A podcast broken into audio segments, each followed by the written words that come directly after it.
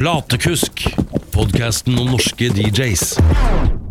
Hjertelig velkommen til uh, Platekusk. Uh, vi prater om det her. Uh, José José altså Det spiller ingen rolle. Ole José Norum, velkommen Ja. skal du være. Takk for det. takk for det, Veldig Ja. hyggelig. Så lenge det ikke er viktig for deg, så er det i hvert fall ikke viktig for meg, tenker jeg. Nei, det, det er ikke det, altså. Jeg pleier å si liksom begge navnene når det er flere enn én som heter Ole der, og det er ikke så ofte. Så Ole er fint. Nei, ikke sant. Det er heldigvis veldig lite populært å hete Ronny om dagen, så jeg pleier å være alene i rommet stort sett. Så. Ja. Eh, Jeg har lyst til å begynne denne praten med en tur tilbake til eh, den eh, 28. juli 2017. Da skrev du en post i DJ-kollektivet som eh, fremdeles står der som en av de eh, som gjorde mest inntrykk på meg, og som var da på mange måter det som jeg skulle ønske at den gruppa var i mye større grad, og det var et bilde av det var egentlig to bilder som var der. Eh, og Da var det først en sånn kjempedisclaimer, fordi du ikke ville bli oppfatta som om du drev med selvskryt, men samtidig så var det mye motivasjon i det. På det ene bildet så ser vi da en ung gutt bak to platespillere og mikser, og så noe juletrebelysning og noe greier foran. Eh, og blikket til den gutten ser ut som han har falt ned fra månen. Men eh, bilde nummer to der er foran tusenvis av publikummere. Det kunne like så godt vært eh, Axwell tatt bakfra. Eh, fra ovenfra det, det bildet der. Eh, og begge bildene er av deg, eh, og Ja. det er jo ganske kult. Det har skjedd litt på noen år der òg. Ja, virkelig. Det er jo um, Altså, alt starter jo et sted. Jeg lurer på om jeg jeg kroppa det bildet med platespilleren, for jeg tror jeg hadde noe stearinlys i sånne der, eh, stjerner ut på sida, så det lysshowet ville jeg ikke ha med på bildet, men eh, det, jeg tror det var Men min egen juletrebelysninga vil du ha. Ja, jeg, ingenting med det bildet er bra, men eh, som sagt, alt starter et sted, og, og ja, og man litt, ja, jeg la det vel ut for at Ikke nødvendigvis for å skryte av meg selv, men for at det er håp for alle, da. Så handler det om liksom, for meg, eh, og sikkert eh, alle som hører, her, hører på her, og deg også, er jo musikk en passion. Og, og hvis man virkelig går etter ting og ikke gir opp, så, så er det muligheter, da. Mm. Det er jo der egentlig essensen i ting ligger, da, føler jeg. fordi hvis du da velger å da ikke legge deg ned og daue de, de gangene hvor det blir litt vrient, så ender man ofte opp med at det dukker opp noe på andre sida etter ganske hardt arbeid. da. Men Uh, virkelig. La oss eh, begynne med starten. da, ikke sant? Du er adoptert fra Colombia. eh, kom til Norge. Hvor gammel var du da? Da var jeg to og et halvt. To og et halvt, ja. I 1990. Du har jo vært tilbake i hjemlandet og spilt også, det skal jeg komme tilbake til etter hvert, eh, for det er ganske kult. Men hvordan kom den interessen for DJ-ing og musikk? Nei, altså Jeg har jo alltid vært veldig glad i musikk. Eh, Jeg husker liksom da jeg var veldig liten, så drev pappa og spilte gitar og, og sang, og søstera mi sang, og så sto jeg med sånne marrakesjer og, og, og la til rytme, da. Eh, Og hadde, fikk også en liten tromme etter hvert. Og, så jeg har alltid vært veldig glad i musikk og vært, veldig glad i rytmer. Og så husker jeg liksom på Det var vel kanskje på ungdomsskolen, så ehm, jeg, jeg kan ikke si at jeg ble mobba, men folk var litt sånn derre Hvorfor orker du å høre på den der dunk-dunk-musikken? For alle hørte på Green Day og Blink 182, og liksom det var punk eh, og punkfeber på min skole, i hvert fall. Så gikk jo jeg med, de, med headsetet mitt og hørte på på fire ganger fire-bit og Ja. da. Så jeg har liksom alltid hatt den interessen, og så eh, fikk jeg Så hadde jeg faktisk en miljøarbeider på skolen som, eh, som var der, og han var litt DJ og hadde noen platespillere. Og da ble jeg veldig sånn interessert, og så eh, fikk jeg lov til å bli med han i studioet hans og prøve litt og, og sånn, og det var jo Jeg var i himmelen, liksom. Det lyste i øynene mine sikkert, da. Og da endte det opp med at eh, alle mine venner eh, kjøpte moped for konfirmasjonsgaver, og jeg kjøpte platespillere. Eh, Samme her. Det Ja. var akkurat samme historien. ja, der ser du. Det er eh, ikke platespiller i dag. Jeg kjøpte Pioner eh, 600-mikser og 500 som CD-er. Altså, det. Men eh, det, Det var burde jeg alle- gjort, for jeg hadde ikke Ja. råd til så mye vinyl når jeg var 14. Nei. Eh, nei, ja, så var det en som kjøpte kebab for alle sine penger, da. men de Ah, ja. fleste kjøpte moped. ja, det var sånn det var, stemmer det. Ja, skjønner. Uh, men uh, ja, det er jo der det begynner. Men så er det den miljøarbeideren. Da. Jeg tenker Dette her er jo litt viktig at man nå kommer tilbake litt dit, for nå har det vært en periode jeg føler at DJ-ing da ved hjelp av uh, digitale ting har vært noe at man trykker på en knapp, det er noe som skjer på PC-en. Mm. Um, som jeg var inne på i en tidligere episode, her, altså Laidback Luke snakker nå om at det å sette to låter i samme takt, det vil ikke lenger være en del av det vi holder på med om noen år. Nei. Uh, og da må vi bli kvitt den diskusjonen med at ja, nei, hvis ikke du klarer å mikse på vinyl, så er du ikke DJ. Jo, nei, du er jo for så vidt det, for det handler jo mer om at du skal rocke et publikum. da. Uh, Ja, og, ja, virkelig. Men samtidig vis hva du driver med, da, gjør noe mer ut av det. Og det vil jo si at du i aller høyeste grad har uh, fått til. da. Det kommer vi også tilbake til senere. Ja. Men uh, hvordan tar du det derfra når du kjøper dette utstyret? Hvordan, hvordan griper du det an? da? For det var vinyl òg, ja. ikke sant? Og den gang da så måtte du jo faktisk ha da, de platene på vinyl. Ja, måtte jo det, det, hvor, da. mye, hvor mye kosta en tolvtommer, da? Her var det en Ja, noe 150 sånt, kanskje. Ja. Og så var det noe Kunne man få tak i noe på for 90 kroner, kanskje. Ja, og så måtte jeg Jeg er jo fra um, Hamar-området, så jeg måtte jo først inn til Oslo, og så måtte jeg handle, så Ja, ikke sant. Så Men uh, hvordan, uh, hvordan kom eh, elektromusikken til deg, da? Altså, hva var det ved det, hvordan, I og med at alle andre hørte på Green Day, tenker jeg på. Jeg veit ikke, det var kanskje bare et eller annet med, med den rytmen og liksom den energien, da. Og det er jo den jeg fortsatt liksom er forelska i så mange år etter, at det, det bare gir meg en energi som jeg bare Jeg klarer ikke å få noe annet sted, da. Og det gjør liksom et eller annet med meg Ja, jeg kan stå og rocke med headset når jeg støvsuger hjemme, eller om jeg, kan, om jeg står på en scene eller om jeg står på en klubb, så, så er liksom musikken som er kjærligheten. Da. Men jeg tror det var gjennom faktisk eh, I hvert fall fikk utvida gjennom han, eh, han eh, miljøarbeideren på skolen. Da. For han hadde jo litt eh, vinyl, og, og da var det liksom sånn defected type house og sånn.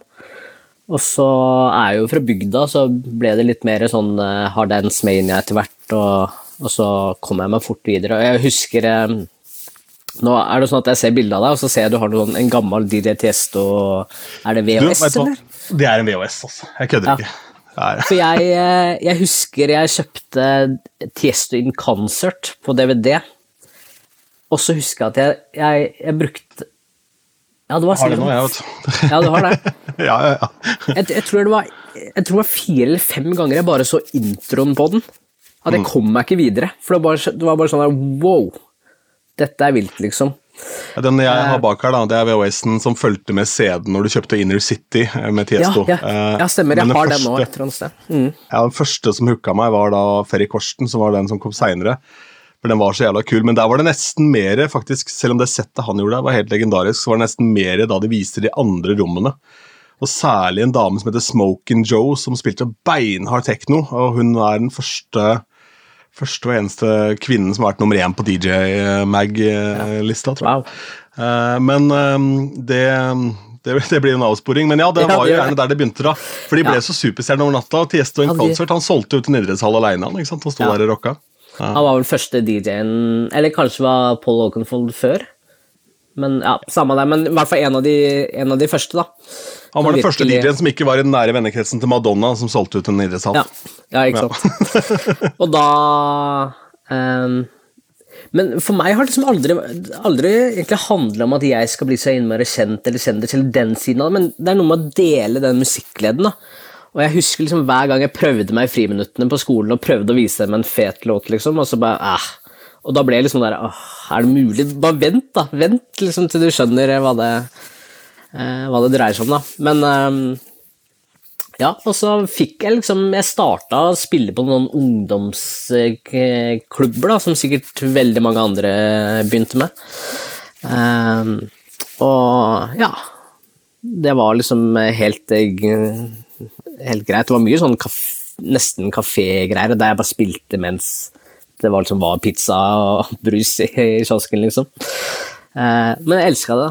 Og så husker jeg første store spillejobben jeg fikk. det var, eh, Da var jeg med arrangerte, var da jeg gikk på videregående, da var jeg med og arrangerte en festival i Hamar, som het Nonstop-festivalen. Jeg tror den, tror den bare var ett år.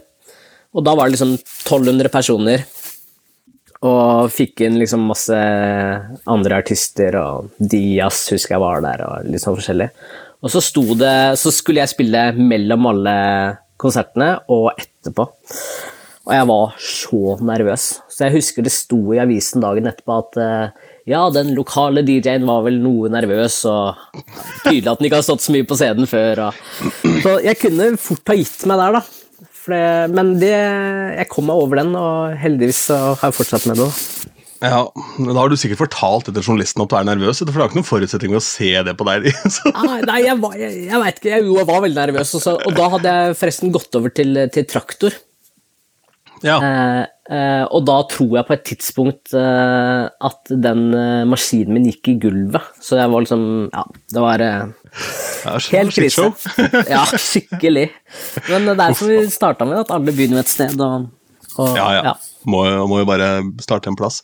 Ja. Men så er det da denne passion for den sjangeren med musikk da, som da etter hvert eh, gjør at du starter det som du fremdeles da holder på med, Jesus Loves Electro, som vel har vært Ja. ganske bra på hold, det også, vil jeg tro, for det koker greit i de showsa deres. Så avstandsbegrensning er jo ikke det, store for, det, for den klubb, det klubbkonseptet der.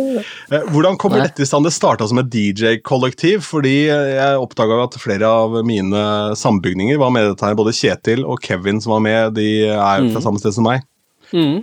Og hvis du møter Kevin igjen, så kan du minne ham på den gangen hvor han sa at jeg måtte legge breisladd ut fra skolen, for jeg kjørte han hjem fra skolen, vi gikk på samme skole. Han satt på okay, meg ja. hver dag. Var jo notorisk forsinka hver morgen, selvfølgelig. ja, det tror jeg. Jeg kjørte, kjørte en gammel Toyota Hiace som var så rusten så kunne se gjennom bakluka på den. Der. Og så var det noen jenter som sto utafor, og så var det veldig glatt. Og så sa ja, legg breisladd, og når du får breisladd med en highas, så er ikke det det kuleste i verden. Altså, vi havner jo rett i grøfta, selvfølgelig. Ja, selvfølgelig. Hvor da Kevin må dytte eh, med sine, sine rockebukser som er sånn helt inntil, og sånne, eh, sånne glipper mellom, mellom Conversa, så han var jo Ja. holdt på å fryse helt, hjel. Ja. Foran de samme jentene som han ville imponere da, ved at vi skulle kledde sladde med den der kassebilen. Så ja, Selvfølgelig. ja, forhåpentligvis blitt voksen, han òg. Men Ja eh, nå er det faktisk bare deg igjen, da, for tidligere i år så la du ut på Facebook at eh, Kasper, som vel var eh, med helt fra starten også, Mm. uh, har gitt seg. Og det er jo naturlig, det, når eh, man har holdt på i over ti år med dette her. ja. At, uh, Det jo Andre ting dukker som, opp. Ja, det er sikkert som for mange andre at livet skjer, og man eh, vokser til, og, og det ble et veldig sånn eh, Ja, vi starta jo som et DJ-kollektiv, ikke som en artist, liksom, ikke som eh, Men vi ville bare Eller, ja ha en liksom, klubbkveld i Vi er jo Det ligger kanskje litt i navnet, da. Vi er jo troende og kristne, på en måte. og Ville ha en klubbkveld i kirka, for at det der var liksom ikke noe for ungdom under 18 eller 20 år da, i Oslo. Så det var egentlig sånn det starta, helt enkelt. At vi ville bare spille kul musikk og ha åpent for, eh, for ungdommer, og så, så balla det veldig på seg, da. Så vi, i starten var det kanskje sånn fem-seks stykker med, liksom fra til, for det var bare et kollektiv som reiste rundt og hadde det gøy. Og jeg er jo, som jeg nevnte i stad, fra Hamar, Um, og var ikke med helt fra starten. Eh, Men jeg oppdaga på en måte de gutta i Oslo som drev på og spilte klubbmusikk og delte samme tro som meg. Da ble jeg veldig sånn derre Å, shit, fins det flere av oss, på en måte? Så da kobla jeg med dem, og, og ja, vi ble godt kjent, og vi delte jo samme passion eh, for musikk, og, som gjorde at det etter hvert ble med, da. Mm. hvordan eh, Det er ikke sikkert du vet noe om det, da, i og med at ikke du var eh, med helt fra starten. Men hvordan ble det tatt imot av eh, på en måte, menigheten og kirka når man skulle starte med et klubbkonsept? Det er jo ikke det, det, er jo kanskje det første man ser på som eh, hellig. Nei. Nei, altså jeg, har jo, jeg har jo vært med Jeg har fulgt gutta helt siden starten, og så har jeg vært med selv i, i ni år. Så har jeg vært med på en måte veldig mye på den reisen, og fått overraskende lite pepper, på en måte. Eh, jeg trodde kanskje det skulle være mer, både fra, fra kirker og, og troende, men også fra andre som syns dette kan være veldig rart. Eh, og det skjønner jeg jo. Eh, Men fått overraskende lite, og, og, og stort sett så sendte jo folk oss, altså personene bak. Og det har jo veldig mye å si, på en måte. Da skjønner man litt hva man ja, hva som legges i det. og Så skal det vel også sies at en del av budskapet, da, sånn rent tekstmessig, sånn, er jo da faktisk handler jo mye om opphøyelse og om å finne håp i eh, altså, Det var i hvert fall en periode hvor det var veldig vanlig da, i liksom disse Ja. virkelig store EDM-tingene. Altså, ja. Ja. Don't You Worry Child for eksempel, er jo en av de største anthemene. og det, Virkelig. Ja, ja helt eh, absolutt, altså. Og, og vi har vært litt sånn nøye på at vi har lyst til å snakke om på en måte håp og sånn, men eh, Men eh, altså, hvis man skal gå inn på det, da, så kan jo på en måte en, en lovsang, som det kanskje heter i kristen sammenheng, er jo på, på en måte bare en, en kjærlighetssang. Eh, så for veldig mange kan jo koble på den uansett, da. Så vi ønsker å spre håp og glede, og, og det er veldig mye bra i, i bransjen vår, og så er det noe som kanskje ikke er så så veldig bra som på sikt. Og, Ja, men Så- det vil det være i alle bransjer, selvfølgelig. Jeg snakka med en DJ som driver med latinamerikansk musikk her, han fortalte at stort sett alle reggaeton er jo, er jo helt elendige tekster. Altså Det er jo stort sett bare griseri, alt sammen. Ja. Han sa det, men så er beaten så suggererende at eh, voksne folk også danser til det, fordi de klarer Ja. ikke å dy ja, seg. ja, men det er jo sånn det er. Og sånn, eh, det var ikke Skal ikke gå ut mot egen bransje her, for jeg definitivt det er sånn Og jeg, jeg har vært en av de som har vært veldig frustrert over for at politiet går kun på Ekstrema og ikke på rockefestivaler. Ja, for der det er folk, der er det, ja. Så var ikke mm, Det er viktig for meg å understreke det, altså. Ja, ja, nei, jeg har ikke noe inntrykk av det heller. Men det ble jo så voldsomt svært, dette her. Og det jeg er kanskje aller mest imponert over, er hvor ordentlig dere gjør det. Fordi det er lett å tenke at ok, dette er noe half-assa som man setter i stand, og så kommer masse folk uansett fordi det er en del av altså Menigheten inviterer, og da stiller alle opp. og ikke sant, altså De gutta her trenger ikke å jobbe for det, men de produksjonene står ikke tilbake for noen ting som er på besøk eh, der hvor de dukker opp. da.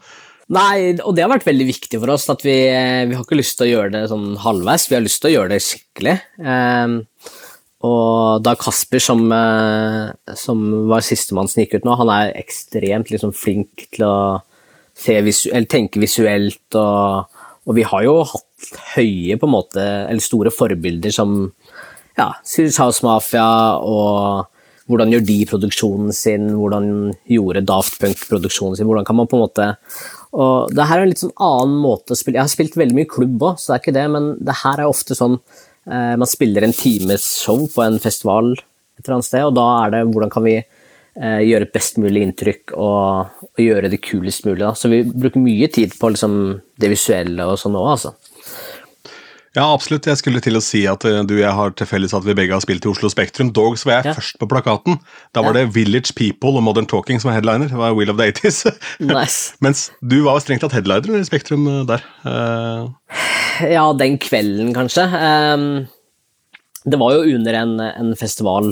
Vi har jo, fordi at vi, vi ofte kommer i, i kirkesammenheng, da, det er ikke alltid, men ofte så er det jo ofte åpen for, eh, for yngre enn 18 også.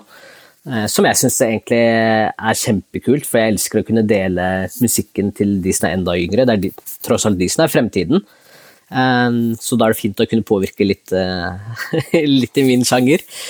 Eh, så da var jeg, eller vi var og spilte under noe som heter eh, Oslo Soul Children eh, Festival, altså festival som er Oslo Soul Children som inviterer til Oslo Spektrum, og så er det jo Det er jo en stor bevegelse med kor, egentlig, da. Eh, som kommer fra hele Norge, og jeg tror de har eh, over 300 kor rundt om i verden, så det er en veldig svær bevegelse. Men der var det vel kanskje en ja, 5000-6000 kanskje den kvelden. da. Mm. kult. Det Mm. får jo faktisk da slå et lite slag for mitt lokale Soul Children-kor der vi jeg kom fra. da, For det er de som synger på singeren til Sirius. vet du. Ja. Han ja, eh, som de er- vant eh, Norske Talenter. ja. Stemmer. Askim Soul Stemmer. Children synger på Ja, ja, ja. ja. Checker. Check it out. Mm, ja. Men uh, hvordan uh, Altså I forhold til den produksjonen og sånn, visuelt uttrykk og sånn, hvordan uh, finner dere en samarbeidspartner som dere jobber med her? da? For, eller sender dere over en, bare en riderliste til forskjellige, eller hvordan, ja, hvordan går dere fram? Litt begge deler. Vi har jo på en måte en teknisk rider som er ønskelig, eh, og så er ikke vi eh, noe super Eller er ikke eh, Jesus Loves Electron superstar, så det er ikke sånn at vi kan forvente Vi kan ikke sette i krava sånn skal være, ellers så kommer vi ikke. Eh, så vi sender over en, og så ser vi, samarbeider vi med de, de eh, arrangørene, og så ser vi hva vi får til. Og hvis de har litt budsjett, og, og spesielt festivaler og sånn, da har jo ofte allerede en stor pakke, og så samarbeider vi med dem. Eller så har vi også faste lysfolk og VJs, altså eh, LED-skjermer og sånn. Eh, så vi drar rundt som et lite team, da, og så Altså Dere reiser med egen AV? ja, Ja, kult. kult. gjør det. På de større tingene, da. Mm. Ja. Men det ser jo bra ut. Jeg har sett videoer på Facebook-siden din fra hele ja, flere steder i Europa og um, USA, vel, og i tillegg også mye Sør-Amerika.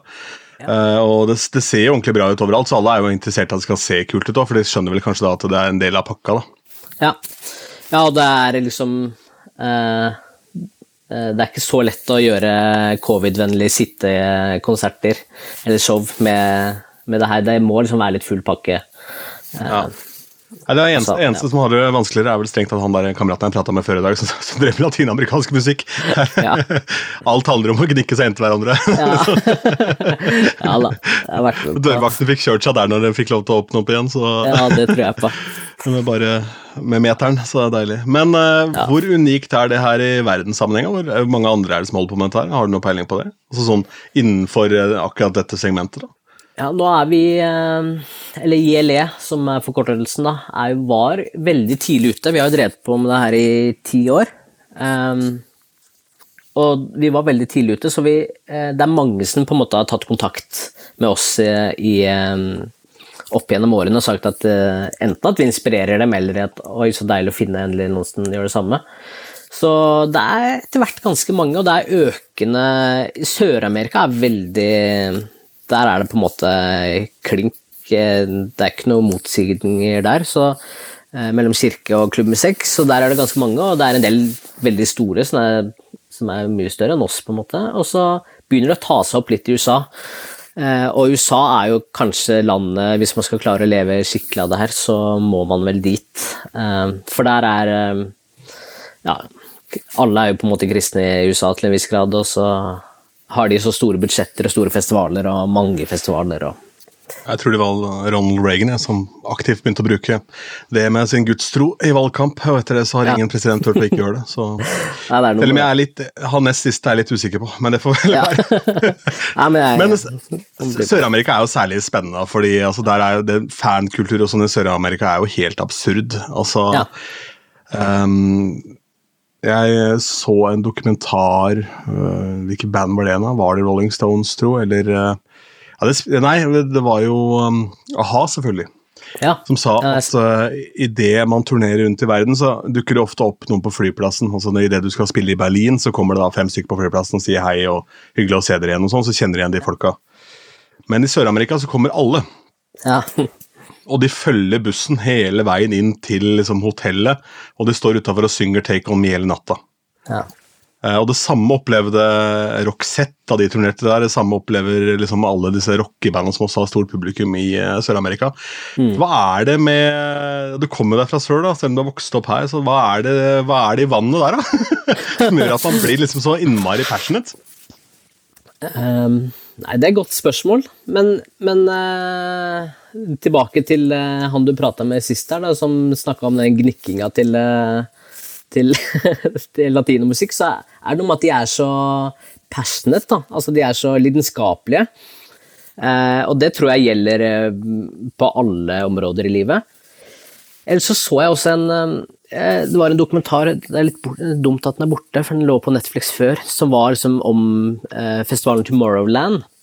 Der Ja. de liksom reiste rundt til deler av eh, verden, og da var det liksom i Sør-Amerika, og så, snakket, så var det noen som snakka om der at ehm, Jeg tror det er Steve Angelo som nevner at Sør-Amerika, der er det, det er så mange som på en måte har en litt sånn lavere eh, livsstandard, eh, som gjør at de må spare i mye lenger, i større grad. De må liksom jobbe seg opp, og da vil de få liksom maks ut av eh, opplevelsen. Eh, og, det å, og det å kunne glemme på en måte hverdagen kanskje en, et par timer på en kveld der, eller eh, Kan være.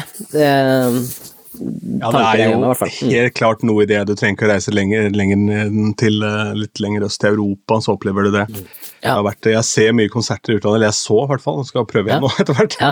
Men, eh, og det handler jo ikke det om at det er så dårlig å se konsert i Norge, men veldig ofte så opplever man det at her har man bare liksom gått bort til sparebørs og tatt en ned med noen penger og så kjøpt den konsertbilletten. Det er liksom aldri noe stress. Nei. Eh, Vi har de pengene og har råd til det, Mens mens i andre land så er det sånn eh, tårene triller liksom når artistene går på scenen og sånn, fordi de får besøk av Paul McCartney eller av hvem enn det måtte være. da, ikke sant? Ja. Og, og de har tatt seg råd til å komme dit, og det, liksom, det fått hjula til å gå rundt her. Men eh, det han også nevnte, han eh, kameraten vår, da Jeg er usikker på om den episoden kommer før eller etter deg, så får la være å droppe Ja, ja. for mye av den, men vi får se. Men uh, han sa jo det at uh, i Latin-Amerika så har de jo en sjanger for alle ting de uttrykker seg. Så de har en sjanger som da snakker om kjærlighet, ikke sant, istedenfor at at det er teksten som gjør det. Så er det veldig Ikke at sjangerne forteller. ikke sant, altså Hvis reggaeton da prater om sex, da, la oss si det, altså det liksom på en måte er den ordentlig dirty eh, den uh, badboyen der, og så har du på en måte bachata, som han sa, da, som er liksom litt mer sensuell. da. Ja. Uh, og, og det er jo, alt går på rytme, da. Og det er jo da særlig eh, for eh, det som du holder på med, så er det en god ting, tenker jeg. ja. Eh, Indre biten er altså. oppe og går. Mm, kult. Men hvordan var det å komme tilbake og spille i hjemlandet, da? Som du forlot da du var barn? Uh, det var veldig spesielt. Jeg hadde eh, Det var vel fem år siden, kanskje, når vi begynte å reise litt fem-seks år siden når jeg begynte å reise litt utenlands og spille. Så var det litt sånn derre For jeg har ikke vært tilbake i Colombia etter at jeg ble adoptert derfra. Og så var det sånn derre Nei, jeg skal ikke tilbake før jeg har en spillejobb der. Og så eh, tenkte jeg, at det skal jeg ikke gjøre noe for. Jeg skal på en måte ja, Folk vil kanskje kalle det karma eller eh, fortjent seg god nok, eller eh, jeg som en, eh, som en kristen mann tenkte at eh, ja, da får de høyere makter eh, legge, legge kortene riktig. Eh, og så kom det en bookingforespørsel, da. Og vi tok ikke noe Det var, det var ikke visen reach out til dem. De tok kontakt og 'hei, jeg har lyst til å komme og spille'. Det er en festival i Bogotá, som er byen jeg er fra. Og, og da hadde jeg sagt til meg selv at hvis jeg får en spillejobb der, så skal jeg med søstera mi, som er adoptert sammen med meg, og faren min. da. Så da flyr vi ned med, med crewet og, og med søstera mi og pappa, og lander vi, liksom, og så er det helt vilt. Og så spiller vi på Vi reiser ned en uke før, bare for å en, en ting er for at det er litt langt å reise, og det er gøy å få med seg noe av byen, men også for å liksom være der litt. og så vi spiller fredagen der, og torsdagen, altså dagen før, så er jeg på det barnehjemmet jeg er adoptert fra. Og så bare Ok, shit, det her er spesielt, og så står jeg liksom på eh, Og så ser jeg på en måte hvor jeg kommer fra, og jeg kunne like gjerne vært på gata, jeg, liksom. Og så ser jeg eh, ja, hvordan det kunne vært, og så står jeg på scenen under 24 timer. Der var det vel kanskje en 5000-6000, da. Og så får jeg lov til å komme på besøk til det landet og spille den musikken jeg elsker, for mitt eget folk, i anførselstegn, egentlig. da. Så det var kjempespesielt. Det var veldig gøy. altså. Det var sånn full circle. Ja, Det er sånne opplevelser som gir dere som er eh, sterkt troende, bensin på bålet. Ja, ja virkelig. ja, for det Ja. Mm, Og så Det er eh, Ja, det var veldig rått, altså. utrolig historie, altså. Det var veldig gøy. Men eh, det ble, ja, for, for da gjorde dere en Sør-Amerika-turné, da, rett og slett. Um, Um, Eller fikk dere- nei, for det har i hvert fall vært flere andre steder. Altså, Ja, vi har, den turen var faktisk bare fram og tilbake, men vi har vært litt eh, rundt i Guatemala og Panama og liksom Mellom-Amerika. Ta oss igjennom da, også hvor har, dere, hvor har du turnert med dette konseptet? Um, ja, det, det er som jeg sier eh, Du nevnte vel i stad, så har vi vært en del i Europa, da. Eh, litt sånn eh, ja, Ungarn og Slovakia og Frankrike, England, Nederland. Forskjellige steder. Eh, Hvordan er eh, forskjellene? For det, det, er- ikke så utrolig mange nordmenn som kanskje har spilt elektromusikk i alle disse landene. Så tenker jeg, her er det jo litt lærdom, da, selv om, selv om publikum Ja. kanskje er annerledes enn hva man vil oppleve, i og med at det noen ganger er under 18, og det er jo da selvfølgelig kanskje ikke alkoholservering heller, vil jeg tro. Eh, Nei, og det er jo kanskje egentlig en eh, enda større utfordring, da. Eh, Kan være. At eh, man må liksom spille dem litt varme, og, og spille vekk de kanskje de høye skuldrene folk har, da. Bare ok, hva sier sidemannen hvis jeg hopper nå, eller slenger meg ut på gulvet, liksom. Så det er en ekstra utfordring, men, men um, helt klart mye mer sånn Uh, De er mye mer glad, det er ikke noe hemmelighet det for oss som følger med litt, men de er mye mer glad i tekno og eh, tech house og sånn i Øst-Europa, og egentlig i Frankrike og litt sånn òg. Og og der tåler de ehm, Det syns jeg er litt utfordrende, egentlig, om jeg spiller klubb eller om jeg spiller festival nå, at det, den generasjonen som vokser opp nå, og de som er liksom opp til 25 kanskje, de har så innmari dårlig tid. Du må liksom De klarer ikke å vente. Eh, mens der har de litt mer tålmodighet, da.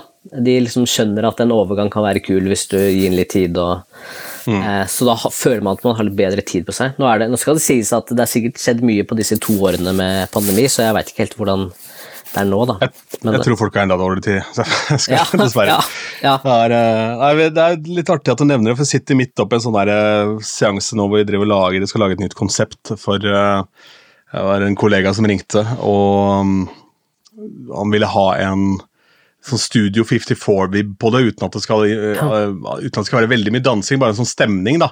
Ja. Eh, og gjerne da en sånn der hva skal jeg si, en sånn uh, refresha utgave. Så litt remix-ting og sånn, men det må være Ja. classy remixer. altså Ikke, sånn, ikke noe drops og den type ting. Okay, ja. Og da fant jeg på en måte til slutt så det, er, ja, det blir litt sånn derre New disco-land. Mm. Disco House, eh, Glitterbox, uh, Head Purple Candy Disco og- og Ja. Ja, stemmer. Uh, mm. det, er, ja, det er vel det, og Dimitri from Paris er vel på en måte pinnacles der.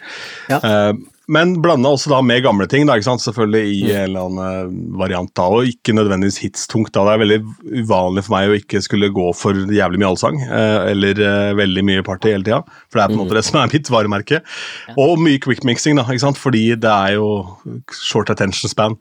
Ja. Så pratet jeg med kollegaene mine i går og så sier jeg at er er stemningen som betyr noe her. Så i teorien så kan vi ta oss god tid, for her plutselig skal jeg spille en sang som er seks minutter. Så jeg så gjorde et, gjorde et sett her og bare hm, det er veldig rart å ha så For jeg hadde så dårlig tid sjøl, jeg Ja. følte jeg måtte videre.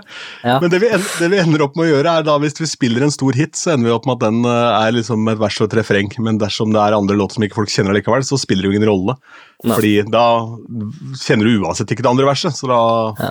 er ikke dette stedet å være for deg. Men eh, jeg kjenner jo litt på det også at eh, eh, få ting var jo så deilig som da liksom gamle trans-DJ-er alt mulig rida beaten der kjempelenge, og det bare lå liksom og dunka på i evigheter, og det var en sånn sømløs uh, wave der av uh, god stemning. Men eh, vi har vel dessverre kommet dit at eh, det er dropp, dropp, dropp, dropp Sånn blir greia. da.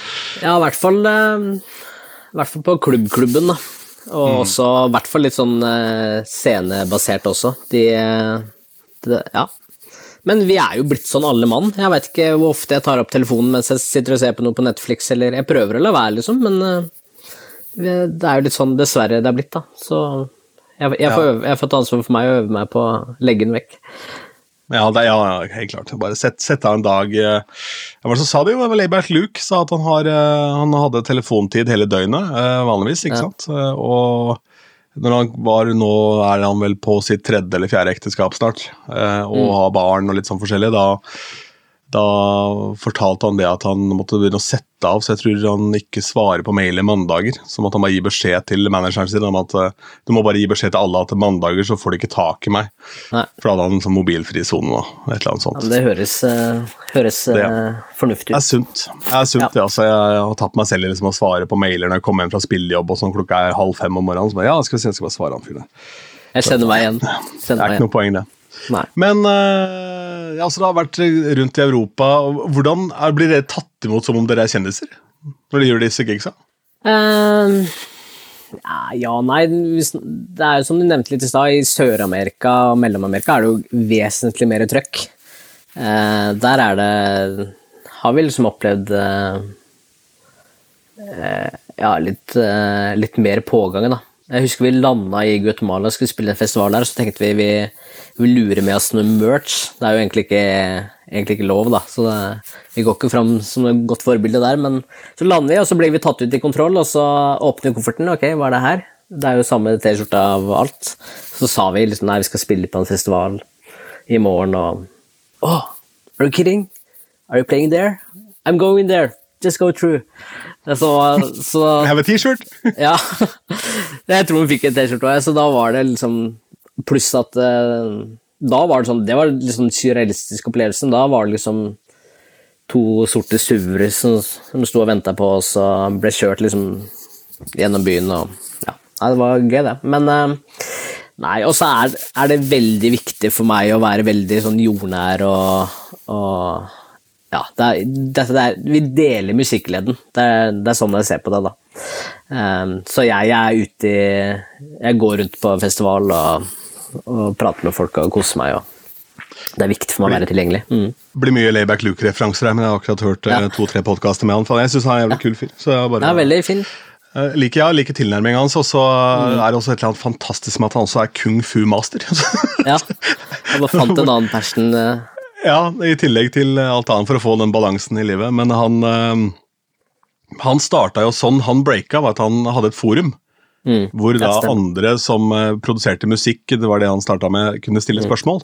Mm. Eh, og gjennom det forumet så kan du liksom kanalisere at der har jo Avicii vært, der har liksom Hardwell vært, der har uh, Bingo Players vært, uh, Angelo Alle disse mm. gutta har på en måte vært igjennom der, så han har jo hatt en finger med i spillet i alle deres karrierer. da.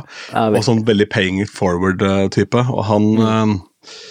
uh, Han tar seg visstnok også tid da, til alle de som sånn, De får den lille tiden han har. Ja. Men den lille tiden så er han til stede hos deg, da. det er jo litt sånn viktig. Og det, ja, Ref den posten som vi starta denne samtalen med, da, så jeg tenker jeg at mm. uh, hvis man kunne delt litt mer av sånne ting, og ikke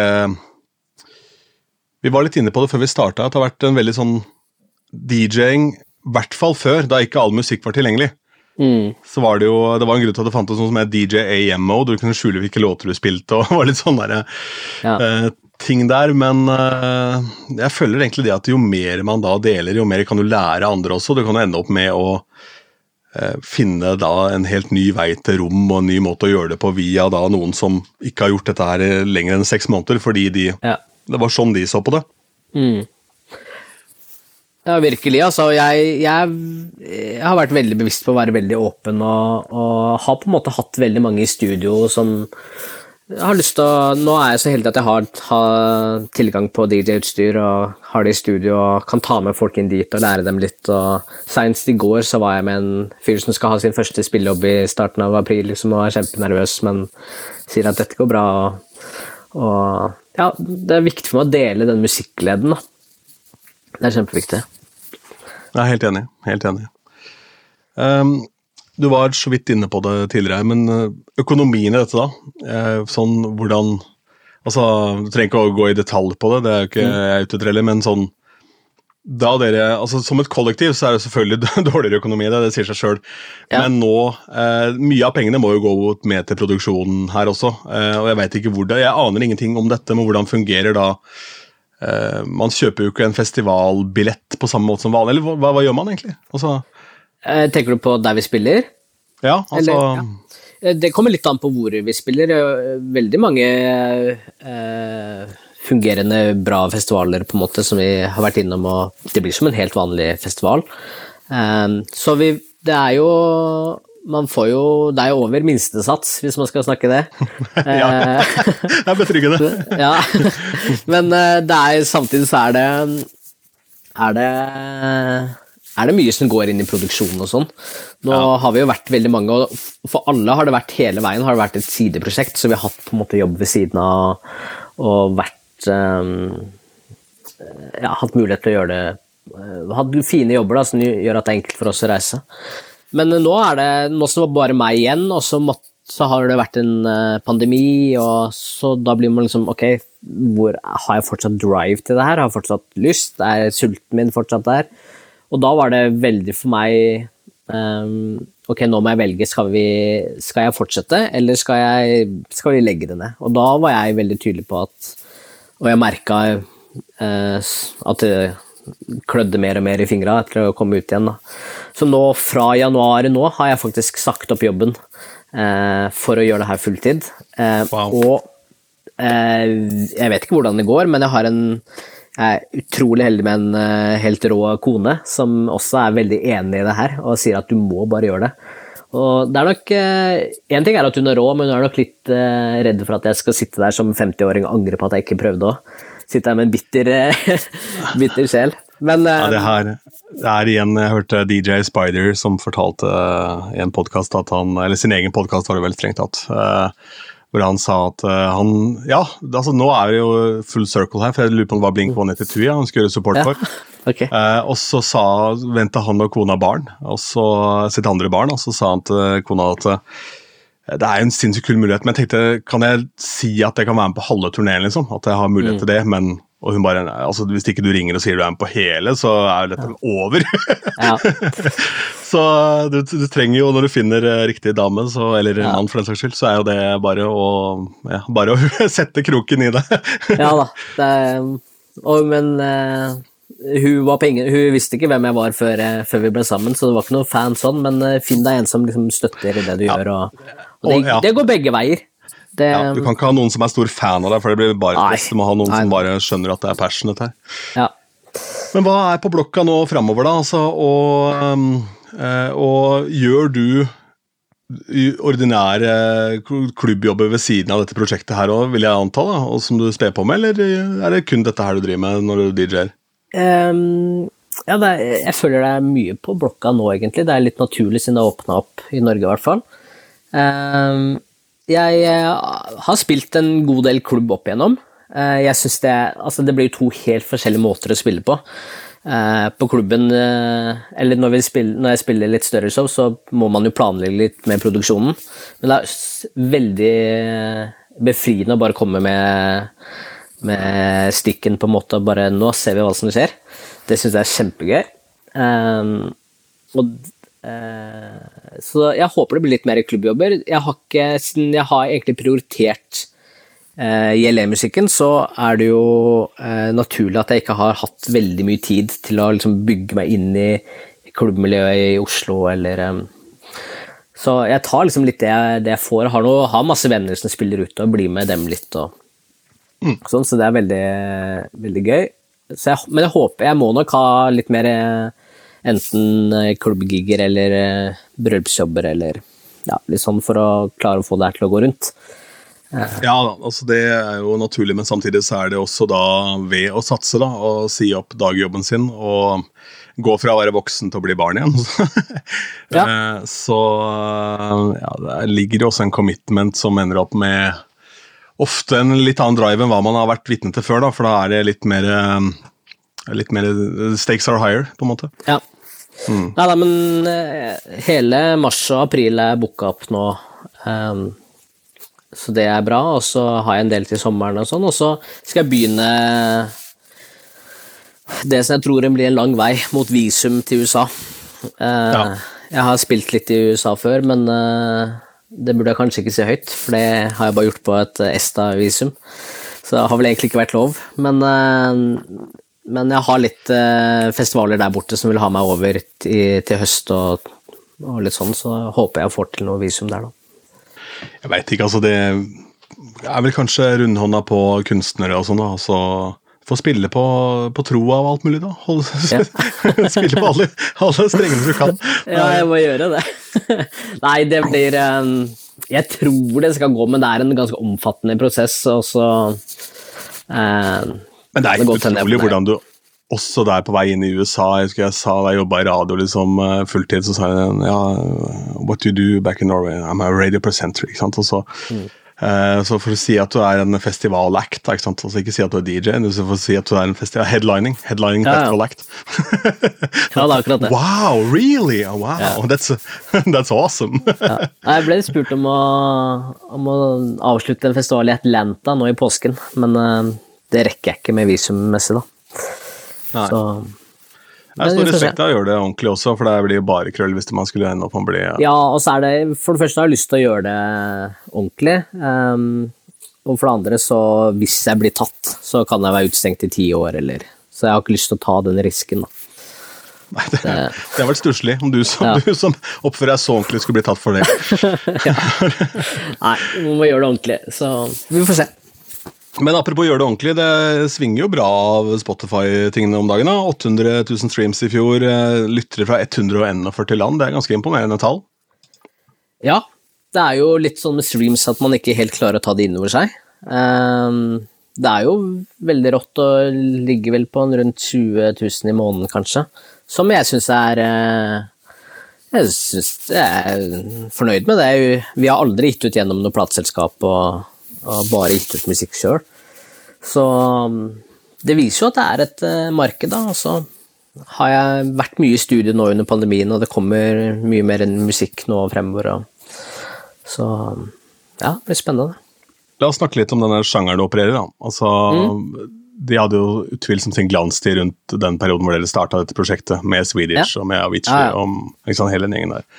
Eh, og så går dette her da i sånne bølger. Eh, Og det er de gamle ringrevene som holder stand litt nå, da, kan du si. Eh, og så kommer det opp en og annen. Martin Garrix er vel en ung gutt, for så vidt, da. Men, Ja. eh, og et par, par andre der. Men eh, Tiesto holder på å surre enda sånn innenfor eh, Han har jo vært en type som har klart å snu seg litt etter vinden.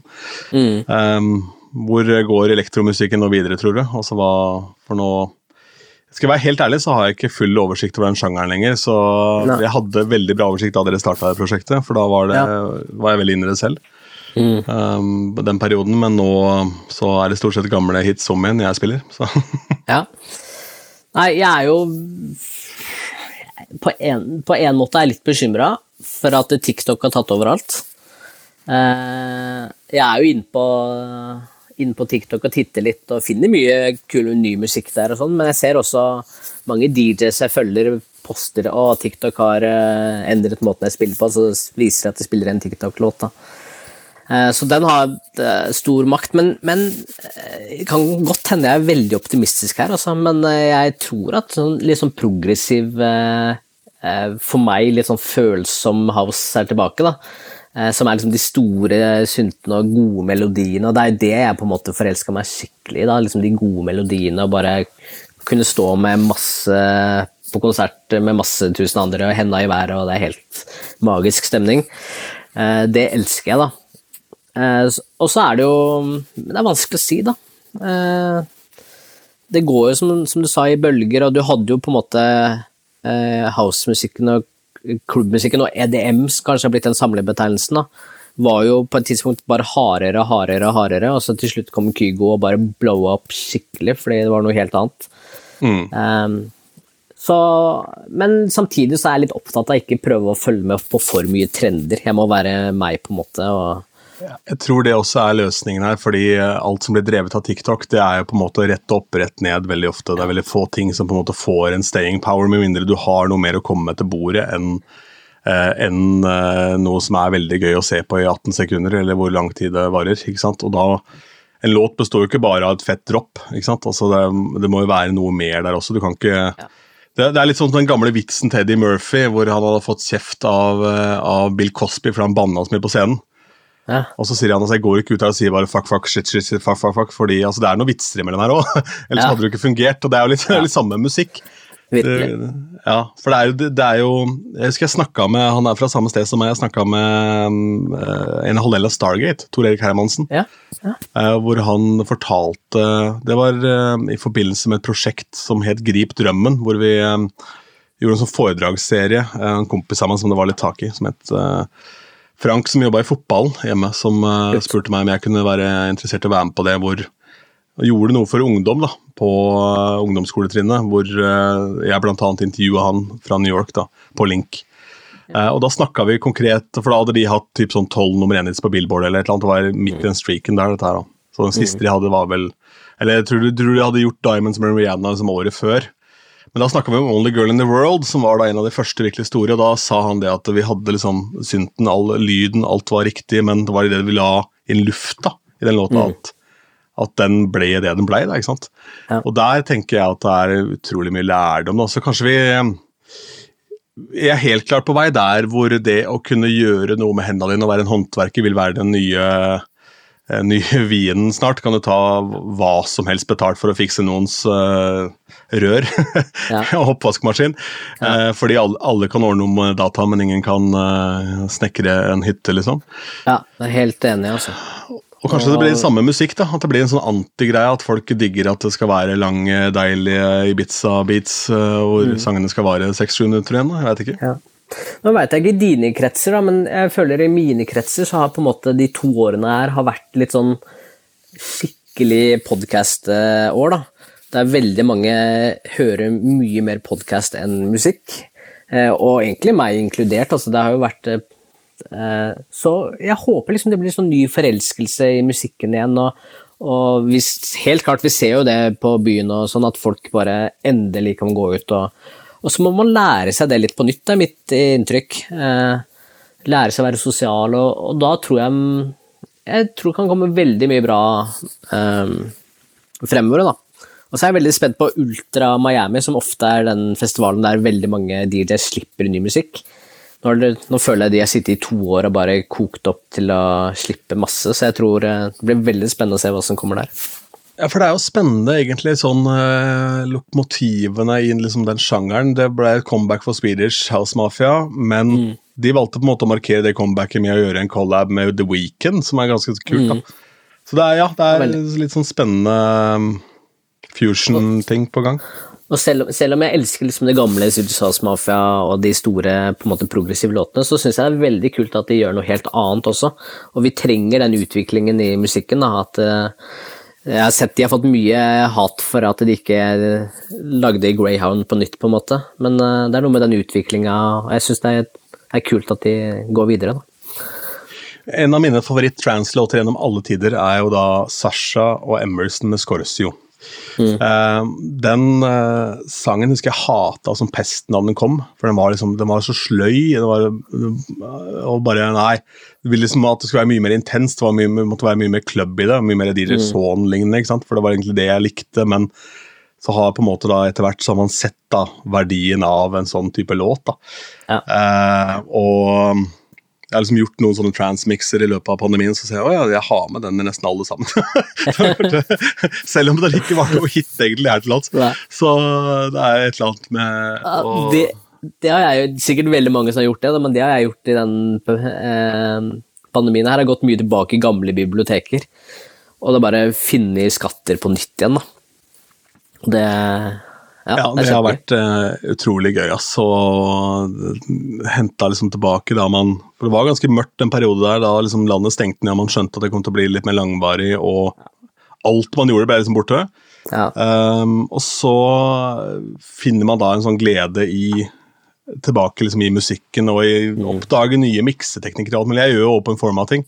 Så ja. bare det å liksom lære seg uh, teknikker med hvordan du kan bruke ekko og reverbs og alt det der for å bytte sjanger og sånn. Det, uh, mm. det, har vært en sann glede. altså. Skikkelig deilig. Jeg bare håper at uh, flere har brukt tida til det. At ikke du sitter nå på en måte og sutrer over at ikke du kanskje får noe jobber, og så leverer du akkurat det samme du gjorde før pandemien. Når du endelig hadde tida til å rydde opp i musikkbiblioteket og tida til alle disse tingene. Akkurat det. Ja. Nei, så jeg står ved det jeg sier, at det er veldig spennende å se fremover mot 20, utover 22 nå og videre, altså. Når er eh, Ultra? I mars. Ja, ikke sant? ja, stemmer det. Det er rundt bursdagen min, ja. Mm. Har bursdag i slutten av mars. Men uh, ja, så da forventer vi noen uh, slipp da fra noen kanoner. Det blir spennende å se ja, hva som dukker opp. Um, mm. Og så tenker jeg at uh, vi runder av der. Lykke til med USA-visum. Takk, det trenger jeg. Og så må jeg si det at det, dette har jo vært en leksjon i uh, at det er mange veier til rom for å finne da en mulighet til å gjøre det man elsker. For eh, svært få i Norge har mulighet til å stå foran tusenvis av mennesker til å spille musikken man digger. Mm. Uh, og imponerende at du klarte å finne den veien. Og, eller egentlig basically skapt den selv. Ja. Bare for å fylle på det. Det handler om å gjøre det eh, du digger, da, og det som er din passion. Eh, og jeg har hatt litt sånn foredrag rundt omkring, og sånn, og da, da, er jeg veldig nøye på Det handler ikke om eh, Det kan like gjerne være strikking. At du er eh, Eller jeg bruker ofte Lars Monsen som et eksempel. Han var glad i å gå på tur, han. Så han bare mm. skapt en, en, en, vei ut av, og på en måte en karriere av å gå på tur. Og det sier det meste om at hvis du virkelig går for det du drømmer om, det du liker å gjøre, så, så er det en vei, da. Helt klart, eh, men det ligger utrolig mye arbeid i bånn der uansett hva du holder på med. Også i Lars ja, Monsens tilfelle, selvfølgelig, og i ditt tilfelle. Eh, og i alle som lykkes med noe, så er det aldri sånn at uh, Carpe Diem da, har jo gigasuksess eh, om mm. dagen, og hver gang så er det noe nytt og innovativt de holder på med, som da gjør at eh, man tenker altså de gutta her kan jo um, umulig trå feil, ti ganger Spektrum alt mulig, men det er ikke så innmari mange år siden de gjorde promorunden på radio sjøl. Og det ble bua av scenen hjemme i Askim fordi alle venta på headlineren, som var Ravi. ikke sant? Altså, var sånn og da var de ute med piano, så, og da hadde de allerede holdt på i ti år før den låta kom. Og samme Nei, med liksom alle de andre som har gjort ting internasjonalt. Madcon også, akkurat samme. 10-15 år før på en måte slo i det hele tatt. Og Ja. det gjelder også sinnssykt mange DJ-er, så det er ikke sånn at man over natta blir en sensasjon. eh, Nei. Um, det er jo Så man må finne det man virkelig liker og. Eller ja, den nisjen og det man virkelig liker å gjøre. da. Og Det er det jeg syns er inspirerende å høre den, den podcasten her. da. Jeg syns du har gjort en kjempejobb i form av å trekke fram på en måte jeg, jeg har hørt eh, Jeg tror jeg har hørt alle episodene. Bare liksom høre hvordan du trekker inn fra hvor bredt spekteret er også.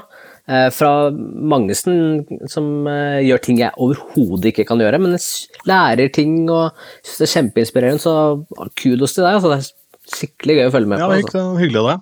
Eh, Det jo i stand den praten mellom oss om at du sendte meg tips eh, til en gjest som jeg har tatt kontakt med også, så det er jo Det må, må gjerne andre gjøre også. Det er jo lov å tipse om seg sjæl òg, altså.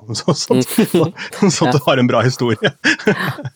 Eh, Men det er, det er mye gøy ting i loopen, og jeg er og har blitt enda mer interessert i dette faget også nå i løpet av den tida hvor du da har ja, hatt tid til å høre på alle disse podkastene og se YouTube-videoene. og For det er jo så mange veier til rom, og det handler om Ofte i mitt tilfelle altså så er det ofte de samme sangene som funker. De store hitene fra 80-tallet er de samme for meg som for, for deg, hvis du gjør den samme giggen. Men det er liksom måten man pakker de inn på, altså hvilke sanger spiller man. Ja, eh, og hvilke, altså Hvis alle står og spiller Country Roads hver kveld som på en måte glansnummer, så må du finne på noe annet, tenker jeg, for å prøve å Da må du la det gå sport i å ikke spille den. Ja. Så det er liksom alle de der eh, mekanikkene her som er veldig gøy, da. Men eh, jeg har eh, store planer om å få tatt meg en tur på en av showene dine når det Ja. dukker opp igjen, så og se om det passer. Om vi klarer å finne en dato hvor eh, det er forenlig med at man gjør en jobb sjøl. Så Ja, det hadde vært gøy. For det har ikke råd til. Har ikke råd til å takke nei til jobb for å gå og se på det. Det har ikke. Nei, nei. Herlig. Jeg får, får booke deg inn eh, Du kan være headliner, så kan jeg varme opp. Oi, oi, oi. Nei, ja, det, Mm. det tør jeg ikke, faktisk. Det er, er, er bokstavelig talt din menighet. Så Ok, ja. herlig. Du, Ole, takk for praten. Det var Du, like veldig måte. inspirerende og hyggelig. Og så Absolutt. gleder jeg meg til å se, se kule videoer igjen. Hvem, hvem forresten er det som lager videoinnhold for dere? For Det er også ser jo eh, dritbra ut. Ja, det er litt forskjellig. Vi har eh, Det har vært egentlig folk i nettverket vårt, altså. Så vi har gode venner som, eh, som er med oss på tur. Så det, Ja, det er helt åpenbart å re, liksom reinvestere litt i både, eller altså mye av pengene her i både produksjon av det ene og det andre. Det er, eh, det er viktig. Jeg har selv sendt melding til en på Finn nå for å kjøpe meg GoPro-kamera, så nå er jeg klar. da, da er du i gang, vet du. Da skal jeg følge med på YouTube når det kommer her. Jeg sitter, og prater, og så glemmer vi da å ta med faste spalter og alt mulig. Det er jo mm, deilig. Du, Vi må jo gjennom Hall of Fame, eh, Ja. men la oss begynne med, med min nye spalte, hvor eh, Ok. jeg ber deg sjekke shazamen din. Uh, Siste låta du shazama. ok. Og dette kan eh, være hva som helst, altså. Ja, Den forrige som gjorde dette, var jo JP, da, som hadde shazama to låter på to år. Så det er klart eh, Nei, ikke sant? Nei, jeg bruker Shazam ganske aktivt. Um, ja, den Jeg ser jeg har to her. Uh, e, A, Eauki, det var vanskelig å si. E-A-U-K-I er artistnavnet. Eauki. Og så Narkotika. Det er jo ikke veldig forenlig med meg, da, men, eh, men eh, Men låta var sikkert fet, da. Låta er dritfett. Den er veldig kul, yeah. syns jeg. Ja, men Det er bra. det. Kan, Hvis vi skal klippe vekk det, så har jeg en, eh, en som heter Keld, som heter Get Down. Den er veldig kul. Ja, Jeg skal overhodet ikke klippe vekk det, selvfølgelig. Nei, nei, det må du ha med. Det var, Helt nydelig øyeblikk. Keld, ja. Det er ikke verst.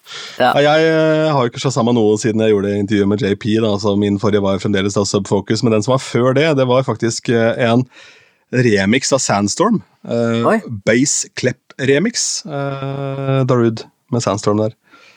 Uh, okay, da. og så har jeg da, kan dele det, og siden du endte opp med da å dele noe litt sånn småpinlig, så kan jeg fortelle at jeg har slått sammen samme sangen tre ganger på rad her, så jeg har sikkert ikke vært helt edru når det skjedde. Anywho. Um, Ja, ja. Men ja, det er eh, Hall of Fame, da. um, Og der um, Du kjenner jo konseptet i og med at du har hørt på den, så hva er dine to liksom, all time bangers som du kan uh, slenge ut? Ja, jeg måtte jo Det er ikke lett, altså. Eh, For alle som har spilt ut før, så veit man at ingen kveld er lik. Men jeg har en låt som jeg som ofte Altså, den funker hver gang. Eh, og det er spesielt liksom fra Jeg spiller den oftest bare fra liksom andre breakdown og så ut i Det er ganske langt bild, og så inn i, inn i andre droppet der. Og det er eh, Republic med Pantheon, heter låta. Den, den, altså, den slår aldri feil. Eh, enten om det er eh, liten klubb eller eh, mye folk, liksom, så funker den veldig Den er veldig fet, altså. Kult. Um, eller så Hva sa du? Nummer to. Uh, ja, jeg tenkte liksom Hvis det skal være en skikkelig sånn banger, som er liksom bare helt crazy, så har jeg eh, Lu Lucas og Crank That har en låt som heter Game Over. Som er Det, det ligger i låtnavnet, liksom. Den, den er helt vill. Jeg kan, eh, jeg kan sende deg de låtnavnene hvis du ikke finner dem. Men eh, Ja, gjør det. gjør det. Eh, og så er det krydderet, da, ikke sant? da du på en Ja. måte ser at her sitter det. eh, og jeg har lyst til å utfordre deg på å ta det tilbake da, til den gigen i, hjemme i Colombia. ja. Hvis du husker tilbake der, altså på en måte når du da, alle følelsene tar overhånd, og så sier ok, nå skal jeg vise hva jeg god for, nå kan jeg droppe noe her som eh, Ja, det er jo det er veldig forskjellig å spille på en måte en time sett og spille en kveld. Eh, fordi på, på en time så går det veldig mye opp og ned, på en måte. Så en låt jeg har spilt en del for liksom få det helt ned for å begynne på nytt igjen, da, er faktisk det er eh, en uh, mashup med Rufus Du Sol med In In Bloom. Som går inn i payback av uh, Steve Andlow og Dimitri Vangelis og Wyman. Den er liksom uh, Det blir liksom noe helt annet enn hva jeg For den går altså Innibloom går helt ned, ikke sant? Jeg vet ikke om du har hørt den låta. Og så uh, er det litt sånn, det er litt sånn rart sound, som man lurer litt på hva som skjer. Men den er veldig kul, altså. Ellers så er det Men det resetteren er utrolig viktig sånn for å ta med folk på den reisen. Og det er Ja. jo da uansett uh, hvilke type gigs man gjør, så kan man jo se det. Du kan analysere DJ-sett fra de liksom, beste i verden, uansett sjanger. Så har de alltid den derre waven hvor de da tar det ned. For du kan ikke holde på å banke høyintenst hele veien, for da Nei, nei, det, det går ikke. Så mye dop fins det ikke. Altså, Nei, det er helt sant. Um, skulle du ha en til, eller var det det, eller? nei, det tror, tror jeg er ferdig der. jeg. Det er bare, Ja. Da, det var bra du har kontroll på hvilke spalter jeg har i den poden. Det er fint. Nei, du ba meg Jeg, jeg strevde så fælt med å finne de låtene, så da tenkte jeg da må jeg i hvert fall levere dem. da. Herlig. Du, da prøver vi igjen. Ha det. Ha det. Du har hørt Platekusk, podkasten om norske DJs.